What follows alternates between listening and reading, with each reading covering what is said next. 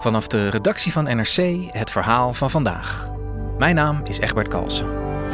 Onze dagelijkse podcast, NRC Vandaag, bestaat vijf jaar. Elke werkdag praten we je in 20 minuten bij over het verhaal van de dag.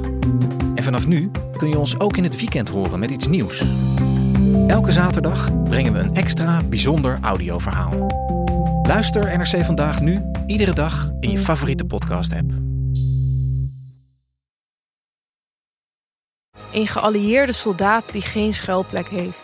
Een jonge, bange nazi-soldaat en een vrouw uit het Franse verzet die neergeschoten piloten redt. Exact 80 jaar geleden, op die day, begon de bevrijding van Europa in Normandië. In Radio Oranje volgen we deze drie hoofdpersonages en wat zij beleefden op die ene dag.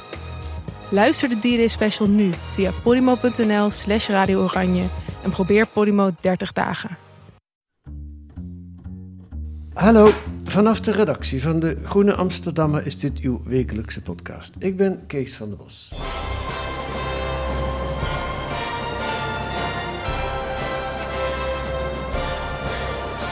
Uh, Koen, wat horen we? Ik hoor hele bombastische muziek. Ik kan me voorstellen dat er een volkslied is misschien. Ja, het is een volkslied. Van een land wat jij wel een beetje kent, van Liberland. Schitterend land. Prachtig. Maar dit volkslied had je... Manhattan aan de Donau.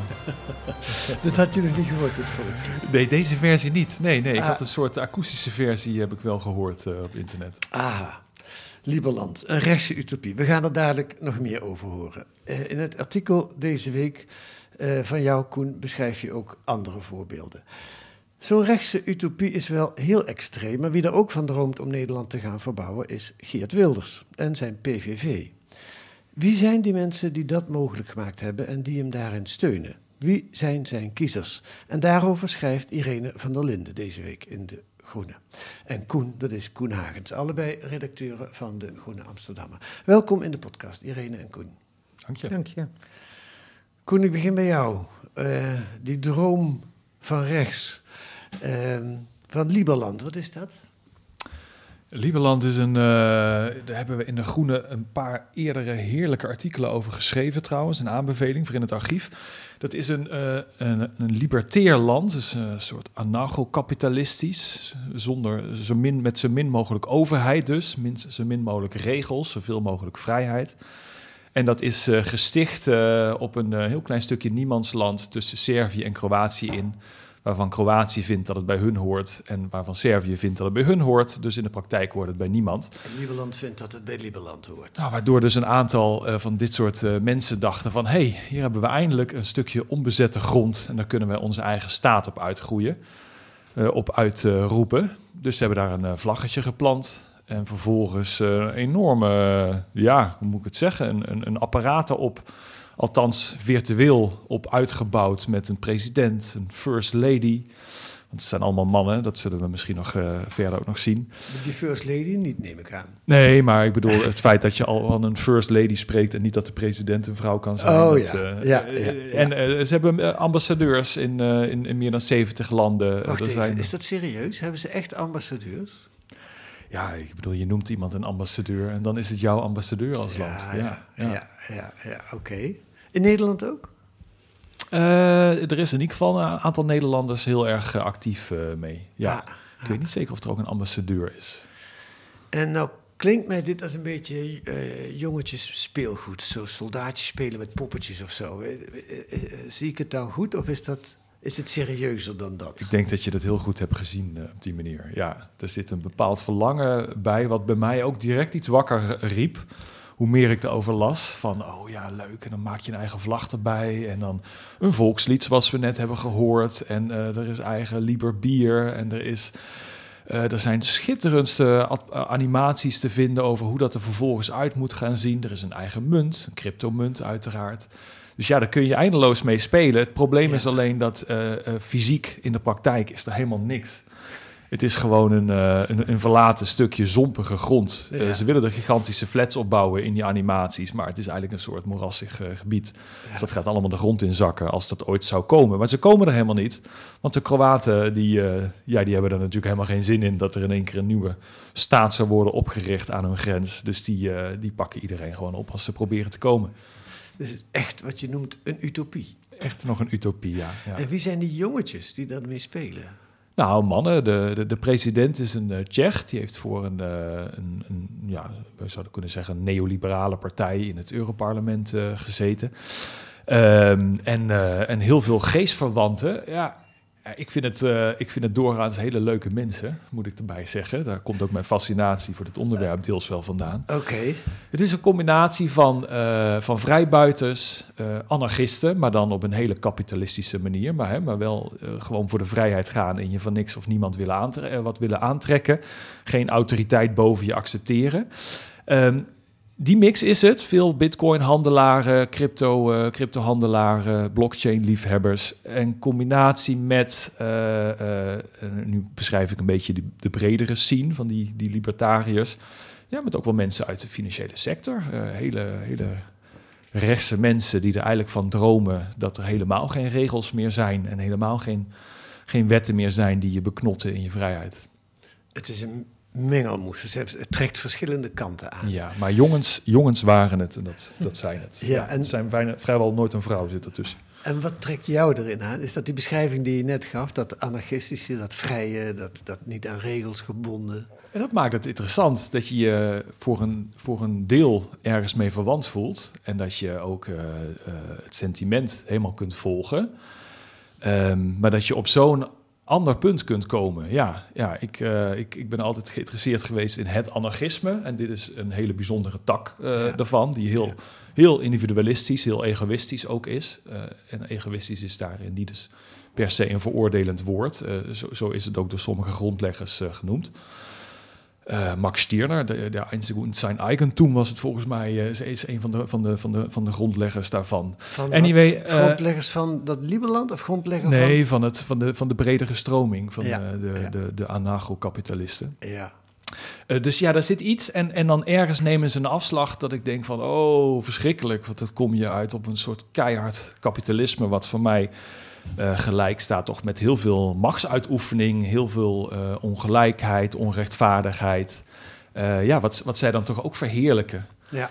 Um, ja. En ik, ik, ik, ik vind het überhaupt fascinerend als mensen die, die, waar die drive vandaan komt. Dat je niet zegt van hè, we proberen in ons land een politieke partij op te richten. En dan proberen we wat wetgeving te beïnvloeden. En dan proberen we een klein stukje onze kant uit te trekken. Maar ja, toch dat, dat eeuwige menselijke verlangen om helemaal vanaf nul te beginnen. Ja. Gewoon een schone lei en daarop schilder jij de schoonste, mooiste taferelen. Ja. Volgens jouw ideologie. Je ogen gaan erbij glinsteren als je dat, als je dat schetst.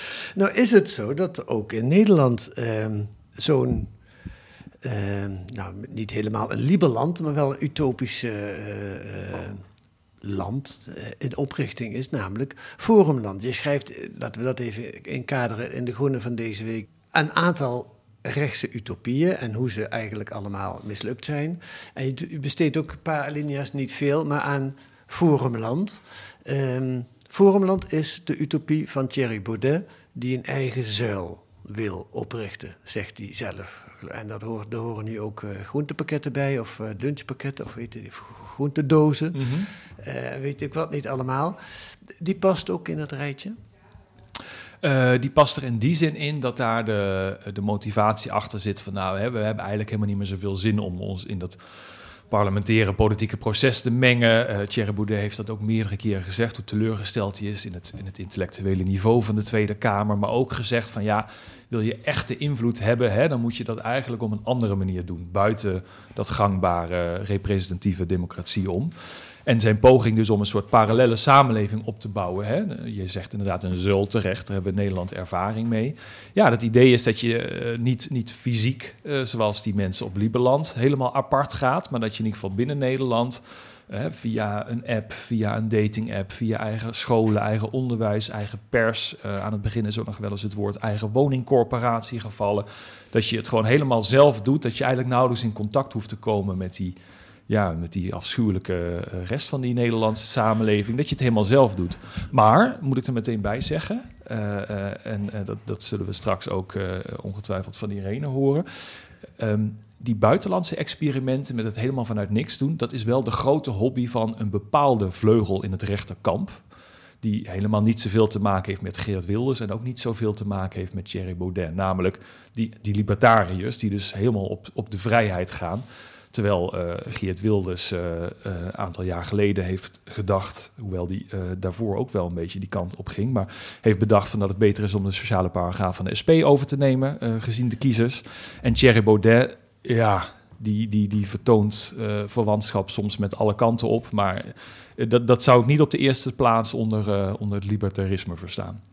Dus je, je, hij staat wel in het rijtje van de libertaire fantasieën die je beschrijft, maar hij, hij staat een beetje aan de rand. Zeg van, de rechtse, van de rechtse utopieën, ja. Ja, ja. ja, ja, ja, ja. libertaire utopie is weer niet helemaal hetzelfde als rechtse utopieën, of wel? Nee, je kunt ook Uh, een, een, een, weet ik veel wat, een groep neonazies hebben die denken van laten wij de pers perfecte maatschappij gaan stichten. Ehm, het is natuurlijk niet toevallig dat je juist een bepaald soort rechts uh, vooral verzot ziet zijn op die utopieën en andere soorten rechts die het meer in de bestaande wereld proberen. Stelt het eigenlijk wat voor, dat forumland, weet je dat? Ik denk dat het tot nu toe een beetje tegenvalt, wat ik ervan zie en hoor en erover lees. Uh, maar ja, het kan natuurlijk nog wel wat worden. Maar ja, er, zijn grote woorden gebruikt. Uh, en tot nu toe is er vooral eigenlijk die app. Ja, en, uh, dating app, dat vind ik ook wel Ja, die dating app, die is er ook nog niet. nee, nee, dus je moet ook nog gewoon op Tinder met het risico dat je feministen tegenkomt ja, als, ja, als voor een mannetje. Dat moet verschrikkelijk zijn. Ook een omgekeerde richting trouwens. Um, maar ja, die, die, dat is het, nog heel veel belofte. En wat er ligt, ja, je, je, hebt een soort app waarmee je gelijkgezinde ondernemers kunt vinden. Dus uh, Thierry Baudet zegt van, ik heb op die manier een stucadoor gevonden, een verhuizer. Um, nou ja, daar kun je het voor gebruiken. En er is één school in Almere. En die uh, hadden afgelopen jaar drie leerlingen, naar het schijnt. En er zouden er inmiddels aan het einde van het schooljaar zou het er tien zijn geworden. Hmm. Maar ja, dat is nog niet uh, je parallele zeil, zeg maar. Nee, dat heeft ook nog geen ambassades in 70 landen. nee, nog niet. Maar wie weet. Um, goed, we gaan naar een andere uh, rechtse droom. Uh, dat doe ik ook weer met een fragment.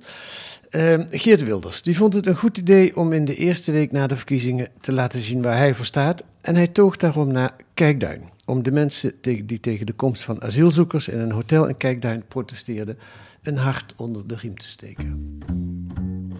Nou, het zijn voornamelijk allemaal mannen. Het zijn vluchtelingen. Nou, ik vind gelukzoekers. Dat ten eerste. Ik vind als je vluchteling bent, uh, dan ben je vrouw.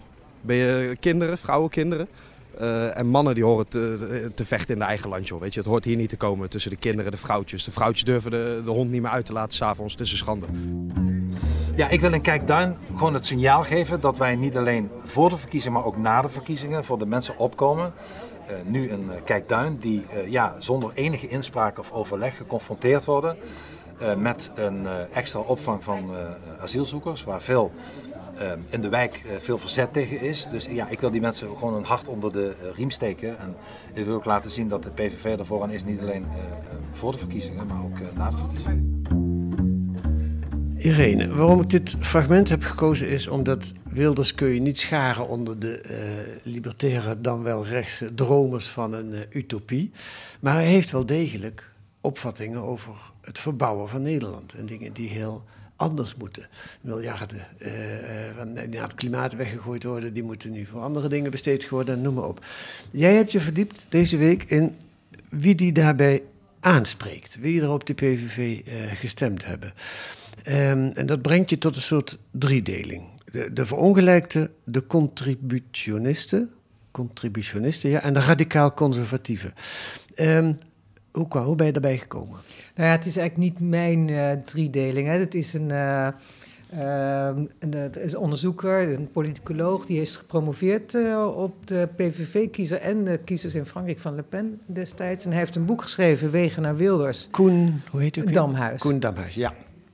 En hij zit aan de Universiteit Utrecht en hij heeft uiteindelijk uh, in zijn boek Wegen naar Wilders heeft die drie typologieën van die hij zegt ja die PVV-kiezer is heel verschillend, maar je kan wel drie type de onderscheiden vanuit welke drijfveer mensen op de PVV kiezen. Die, en hij zei ook dat hij heeft dat boek is van zes jaar geleden, toen in 2017 ook zoveel mensen op Wilders zouden gaan stemmen. Hè. Dus het is ook niet nieuw dat Wilders opeens zo populair is. Maar, um, en hij zei eigenlijk van ja, nu kun je dat nog steeds wel een beetje zo. Dat is wel, blijft wel nog steeds hetzelfde. Ja. En um, ja, die verongelijkte. Uh, hij, en en die, dat zijn eigenlijk, hij beschrijft het als mensen die uh, uh, het gevoel hebben van, ja, ons wordt van, wat afgepakt. Wij, wij, wij, wij krijgen niks, maar ondertussen krijgen die asielzoekers uh, krijgen alles. Die krijgen een huis, terwijl wij geen woning kunnen krijgen. Een beetje het gevoel van, wij kunnen de energierekening niet meer betalen. Maar uh, er gaat wel subsidie nu naar windmolens. Hè. Het klimaat speelt, behalve de, de asielzoekers die wel centraal staan. En migranten en uh, asielzoekers, vluchtelingen. Uh, maar die, die zijn echt een beetje de zondebok. Maar het zijn een beetje mensen die tegen, tegen werkelijke problemen aanlopen maar uh, daar heel, vooral de asielzoekers de schuld van geven. Ja, die, die vallen voor de zondeboktheorie. Ja, en, maar ook wel, het is, dus, daarom noemt hij ook de verongelijkt, er zit heel veel wrok. Ja. Er zit wrok, we komen niet meer verder, we komen niet omhoog, we, hebben, we worstelen, we, we worden niet gezien, we Ja. worden, onze problemen worden niet erkend. En, uh, en die van anderen wel. Ja, en die wrok is heel begrijpelijk. Denk ik dan. Of niet? Ja, maar je kan dat op een bepaalde manier denk ik wel begrijpen. Hè? Ook omdat er natuurlijk sommige problemen werkelijke problemen zijn. Ja, is best- Alleen de vertaling is natuurlijk uh, dan weer niet altijd even begrijpelijk, denk ik. Maar Wat bedoel je met de vertaling? De nou ja, manier waar, hè, waarom, de, de, het gevoel van wrok, dat is natuurlijk heel, uh, een heel negatief gevoel. Je kan het Ja. maar je, je, en het is ook een heel erg uh, afgeleide om het dan uiteindelijk naar mensen... Het, het wordt gemobiliseerd door Wilders, door een partij op deze manier... maar je kan het ook gewoon op een andere manier mobiliseren. Zeker, zeker, zeker. En misschien hebben de mensen uh, die verongelijkt zijn... of die, zo'n, die aan de onderkant van de samenleving zitten... wel meer belang bij een stem op GroenLinks, PvdA of zo. Maar op de een of andere manier spreekt ze Wilders meer aan. Die zonnebloktheorie is uh, gemakkelijker misschien. Ja, nou en, en jij zegt de onderkant van de samenleving. Wat hij eigenlijk ook zegt is dat uh, de, de heel veel PVV-kiezers niet meer een tweeledig beeld hebben, hè, zoals je links en rechts zou kunnen noemen. Je hebt de arbeider tegenover de kapitalist, om maar even zo te zeggen. Mhm. Mm -hmm. Maar hij zegt heel veel mensen hebben een drieledig wereldbeeld. En zij voelen zichzelf niet onderaan, maar in het midden. En uh, boven hen heb je de politici en de bestuurders die hen niet zien en bovendien uh, zelf, zichzelf verrijken. En, uh, en wat ze nog erger doen, is naar de mensen onder hen kijken. En onder hen heb je de mensen die nieuw komen, de, de asielzoekers, de vluchtelingen. En, en daar voelen ze zich door bedreigd. Het is Ja. een beetje, de, de, je hebt een Amerikaanse hoogleraar sociologie, Arlie Ho Hochschild heet ze. Zij heeft daar een heel erg mooie metafoor voor bedacht, namelijk de, het wachten in de rij. Je hebt een hele lange rij. En zij is naar Trump-stemmers, heeft ze onderzoek naar gedaan, maar eigenlijk kun je die vergelijking ook wel naar hier trekken. Van, uh, er staan man die staat te wachten in de rij al heel lang. En dat is de rij voor de Amerikaanse droom. Het gaat een beetje de heuvel op en boven op die rand van die heuvel zit de Amerikaanse droom. En je ouders en je grootouders, iedereen die ging naar die Amerikaanse droom en kwam ook vooruit. Dat lukt voor een deel ook. Je. Maar nu, ja, je wacht maar en het gaat niet meer vooruit in de zon brandt. En, nou, je, je, maar je duwt en duwt, want je wil daar toch heen. Maar en dan kijk je om en dan zie je achter je een enorme lange rij. En er zijn nog veel meer mensen. En daar zitten onder andere vrouwen tussen, maar ook immigranten en nieuwkomers en, uh, en vluchtelingen. En op een gegeven moment zie je die voor, voorbij lopen. En het ergste is nog dat die worden geholpen. Hoe komt het dat ze voorbij kunnen lopen en dat ze voordringen? En ze zullen wel geholpen worden. Ja, die worden geholpen door de mensen daarboven. Ja. Nou, en daar zit dus, dus je zit eigenlijk ook een wrok naar. En de mensen die. Uh, uh, een, voor, een voorkeursbehandeling krijgen. Ja, daar zit natuurlijk ook, gaat natuurlijk heel vaak over die positieve discriminatie, wordt dan ook vaak genoemd. Maar ook de mensen die de voorkeursbehandeling geven. Ja. Dus ja. dat is een beetje. En het voorbeeld is dan, denk ik, de woningmarkt. Uh, waarbij uh, mensen en hun kinderen op woningen zitten te wachten. En dan krijgen die asielzoekers krijgen dan door de mensen boven hen gesteld uh, ineens een woning. En zij niet. Ja, dat is in ieder geval het verhaal. Hè? Want Ja. ze, ze, het is al lang niet meer zo dat statushouders een voorrang hebben op die woningen. Maar het, het, er is natuurlijk schaarste en dat is in, Ja. op de woningmarkt natuurlijk heel duidelijk. En dan. Um, krijg- daar, dan, dan kun je dat op die manier heel makkelijk zeggen van nou, dan komen ook die hebben dan nog, komen daar dan ook nog bij. En of Ja. die hebben voorrang, want dat is dan het verhaal wat Wilders wel vertelt. Ja, ja ik, vind wel, ik vind het een mooi beeld, maar ik vind het ook wel belangrijk om daarbij te zeggen dat het een beeld is. Zo beleven ze de werkelijkheid. Het hoeft niet zo te zijn dat de werkelijkheid ook echt zo in elkaar zit. Nee. Nee, het is een, dus een, dat, dat drieledige beeld. En, ja, en volgens is het ook wel zo dat de anderen dat ook een beetje hebben. Het is, een beetje een, het is wel een overeenkomst die alle. De, hij zegt dat de meeste PVV-stemmers dat wel Ja. eh, koesteren. de groep 2, de contributionisten. Ja, dat zijn, en de, die eerste groep zijn de mensen eigenlijk die vroeger PvdA stemden, zeg maar. Ja. Of de ouders, of de, die, die, die hoek. En de contri- contributionisten zijn mensen die niet die vinden dat ze te weinig eh, krijgen, maar die vinden dat ze te veel geven. En eh, dat zijn vaak de, ja, zoals hij het omschrijft, eh, de mensen die eigen bedrijven hebben, eh, eh, middenklasse, voormalig VVD-stemmers. eh, en die eigenlijk vinden, ja, mijn zuurverdiende geld, ik heb hard gewerkt en nu gaat mijn belastinggeld weer naar die nieuwkomers of de asielzoekers of naar AZC of naar het klimaat. Hè. Dat speelt natuurlijk ook steeds mee. Ja, Dat is sinds althans nieuw erin gekomen. Dus eh, die hebben heel erg dat gevoel van, eh, ehm, daar, daar, daar doe ik het niet voor. nee. Oké, dat is de tweede groep. Kun je, kun je ook iets zeggen over de omvang van die groep, of is dat mooi? Ja, dat weet ik niet. Nee. De derde groep, de radicaal conservatieven. Dan komen we volgens mij al dichter in de buurt van de mensen waar Koen het over gehad heeft, maar dat weet ik niet zeker. Wie zijn dat?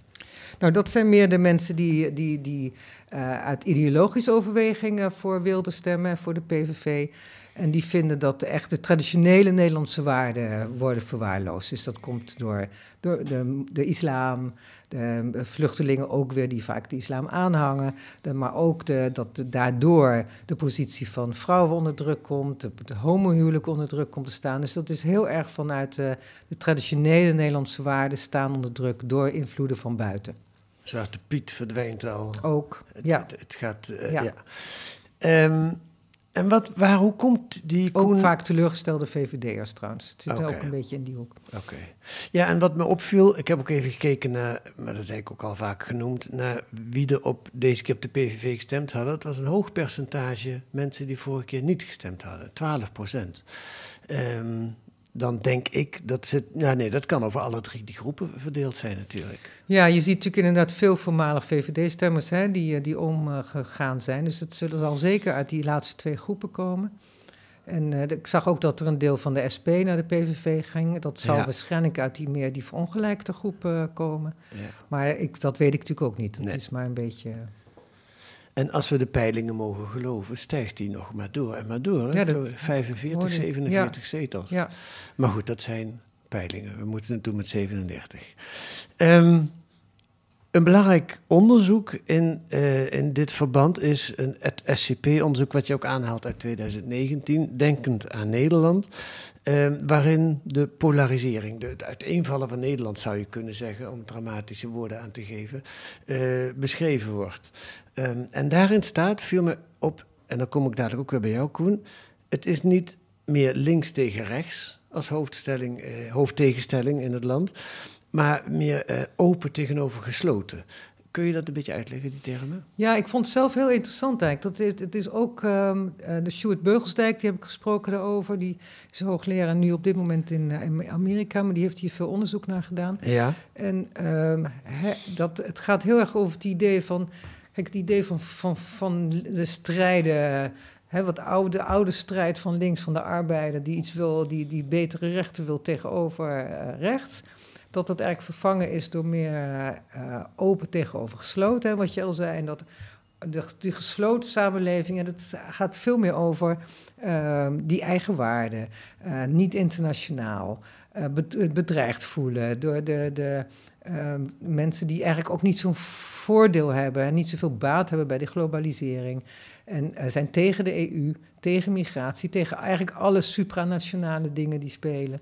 Ehm, vaak ook voor wel een nexit, maar niet heel erg, maar wel minder. Het moet altijd minder EU zijn. ja. En ehm, dus daar ook vaak vanuit een gevoel van bedreiging of we hebben de controle niet meer. Terwijl de mensen met een. En die, die, die, die koesteren de Nederlandse volksfeesten, weet je wel, dat soort dingen heel erg belangrijk vinden. Dus terwijl als je dan kijkt naar die mensen die meer die open samenleving aanhangen, dat zijn mensen die burgerlijke vrijheden belangrijk vinden, democratie, democratische waarden heel belangrijk vinden en dat ook boven andere dingen stellen. Uh, de islam niet zoals bedreiging zien en meer vrijheid van godsdienst juist belangrijk vinden. Nou ja, dus eigenlijk zie je daar al twee kampen uh, ontstaan. En wat hij ook zegt van ja, dat is wat hij, waar hij zich echt veel zorgen over maakt. En hij zei ook in dat SCP-rapport Denk het aan Nederland, wat trouwens ook al zes jaar oud is vond hij wat dat betreft ook alarmistisch. Van Dat je dat eigenlijk al ziet. En we hebben dan een meerpartijenstelsel, maar je zou het eigenlijk al bij elkaar kunnen in de kampen kunnen onder, onderverdelen. Ja, het, het, moeilijke aan die tweedeling vind ik, wat ik kan me er wel eens bij voorstellen, maar is dat hij zo uh, apolitiek is. Of op mij zo apolitiek overkomt. Nou, ik, ik, kijk even naar jou, Koen. Jij schreef, zat ook in de podcast een paar weken geleden nog over de, de, de arbeidersklasse. Bestaat die nog wel? Heeft altijd bestaan, maar is altijd heel gevarieerd geweest. Vat ik het maar even heel kort samen. Wat vind jij van zo'n. Eh, dus dat is open tegenover gesloten, is geen klassentegenstelling. Nee, ja, ik, ik, ik snap wat je bedoelt. Uh, ik, ik voel ook meteen wat, uh, wat Irene bedoelt als je het zo uitlegt, zeg maar. Dus de, de, ik, ik voel hem meteen, die tegenstelling. Ook omdat ja, omdat daar toch uh, veel over wordt gesproken, zeg maar. Het wordt veel in die, op die manier geanalyseerd. Um, nee, het is, het is een wat minder politieke tegenstelling, zou je kunnen zeggen. Waar, waar ik zelf dan een beetje over twijfel is... Het is, ik heb een tijdje geleden iets geschreven over sociologie als zelffelicitatie. Dat je met dit soort dichotomieën altijd moet oppassen van... oké, zit er niet stiekem in dat je de woorden zo noemt... dat degene die de woorden gebruikt zichzelf een compliment geeft. Dus als wij het hebben over hè, open versus gesloten. Zijn wij natuurlijk open. Open klinkt lekker, toch? Klinkt veel beter dan, dan gesloten. Klinkt een beetje alsof je oogkleppen op, uh, hè, handen voor de ogen, uh, et cetera. Dus mhm. ehm, ja, dat, dat, dat, dat is het lastige automatisch aan dat soort andere tegenstellingen. Ja, ja. ja, helemaal heb ik dat bij de tegenstelling wij tegen zij zoals het frame van de populisten is, daar is niet alleen het gevoel van dat hij apolitiek is. Misschien is hij juist wel heel politiek, maar de verkeerde kant uit. Het is een gecreëerde tegenstelling, denk ik. Toen zweeg men stil aan de andere kant. Nou ja, wie zei, wat bedoel je met wij tegenover zij? Nou, de, de Nederlanders tegenover de buitenlanders. Oh, ja, ja, ja. De, de, de, de uh, onderklasse hier die voorbijgelopen wordt in die rij waar jij het over had. Die, die, door de zij, de mensen die dan wel geholpen worden door die mensen van bovenaf dat is wel een te begrijpen gevoel, maar het is een frame, denk ik. Het is niet een. een, een ja, mensen kunnen, wel, kunnen de werkelijkheid zo ervaren, maar het is niet de werkelijkheid, denk ik. Dus dat is gevaarlijk als ik dat zeg. Ja, ik vind het moeilijk of het niet de werkelijkheid is. En wat dat betreft is het natuurlijk ook wel politiek. Je, je, ehm, als je die, dit in plaats van een klassenstrijd, het de strijd maakt over waarden van. Uh, hoe, hoe, Nederlands of hoe Frans ben je, of hoe, waar, waar, hoe lang wonen je ouders hier al en wat voor godsdienst hang je aan, want zijn wij hier, wij zijn hier toch oorspronkelijk joods-christelijk en de, dus iedereen die de islam aanhangt is van buiten, om het maar even zo te zeggen, mhm. uh, of niet van Sinterklaas houdt, of uh, dan... Uh, ja, je kan dat wel echt zo. Een, een klassenstrijd, ik weet ook niet of die er die, die maak je ook. De strijd voer je, dat, die creëer je doordat je uh, dingen benoemt die je wil veranderen. Je kunt hem niet aanwijzen van daar is de klassenstrijd. Je nee, kunt, je, kunt hebt hem zelf gemaakt. En dat is natuurlijk ook zoals het destijds ooit begonnen is. En uh, want daarvoor hadden, kon je ook zeggen, hè, als je er geen last van had, wat is het nou? Hè, waar, waarom zouden we dit doen? Ja. Het is toch goed zo? Maar, en dat kun je ook met deze strijd, kun je natuurlijk ook maken. En als je het wel als strijd ziet van, ik wil uh, niet zoveel mensen van men, die, uh, die moslims in, in Nederland of in Europa of waar dan ook, of zoveel vluchtelingen of zoveel nieuwkomers. Ja, dan heb je uiteindelijk, maak je die strijd wel. En dan wordt het dus toch ook een heel politiek ding. En dat is natuurlijk eigenlijk ook wat, wat uh, radicaal rechts doet op dit moment. Eigenlijk al heel lang, al twintig jaar. Hè? Ja. Dus wat dat betreft is het ook niet nieuw. Nee. en, het groeit echt gestaag. En, en, en ook al in 2016 was het een tijdje in de peilingen, stond Wilders op 40 zetels. Dat is toen uiteindelijk in de verkiezingen een jaar later minder geworden. Maar het is ook niet nieuw dat hij zo groot was. Nee, nee. nee maar het is wel mooi om te zien dat wij tegen zij, open tegen gesloten, of zelfs ook de klassenstrijd, het zijn indelingen die je van buitenaf maakt. Het zijn geen feiten eigenlijk die je dat, Eigenlijk is dat de kern bijna van politiek, toch? Nederlandse verkiezingen komen erop neer dat iedereen, elke partij heeft zijn eigen favoriete frame, heeft een as waarop hij het wil uitvechten. Met twee kanten op die as, waarbij die partij op één kant van die as staat. En iedereen probeert de verkiezingen te laten draaien om zijn as. Ja. Hè? De een Ja. wilde als wij zij, de ander wilde inderdaad eh, judeo-christelijk versus eh, islamitisch. De ander wil het rijk tegen arm. De ander wil het, eh, eh, het fossiele industrie versus eh, de, de, de burger die slachtoffer is van klimaatverandering. Iedereen heeft zijn, heeft zijn favoriete ding. En rechts is er al, al, al tientallen jaren beter in om hun as Ja. te laten domineren. Ja. Dat mogen wel duidelijk zijn. Ja. Ja. Ja. Ja, juist omdat natuurlijk die, die oude klassenstrijd van links een beetje wegviel. Doe, Ik moet altijd aan Den L zei- denken, die ooit zei van... ik wil dat iedereen een auto voor de deur heeft. Ja. Nou, die auto hebben we, heeft Ja. iedereen nu wel. Misschien wel twee. En dan, wat dan nog, hè? om het maar even heel simplistisch te zeggen. Nu moet het een elektrische auto voor de deur. Nou, en er zijn dus nu inderdaad ook nieuwkomers... zijn nog mensen die, die, die er onder, weer aan, onderaan die rij gaan duwen. Ja. Ja. Waar, waar voor een heel goed deel ook links zich op richt. Goed, ehm, twee varianten op het beloofde land. De, de titel van eh, het dubbeldikke groene winternummer, wat er nu eh, eh, deze week bij u in de bus ligt. Irene en Koen, dankjewel voor dit gesprek. Irene Dankjewel. van der Linden en Koen Hagens.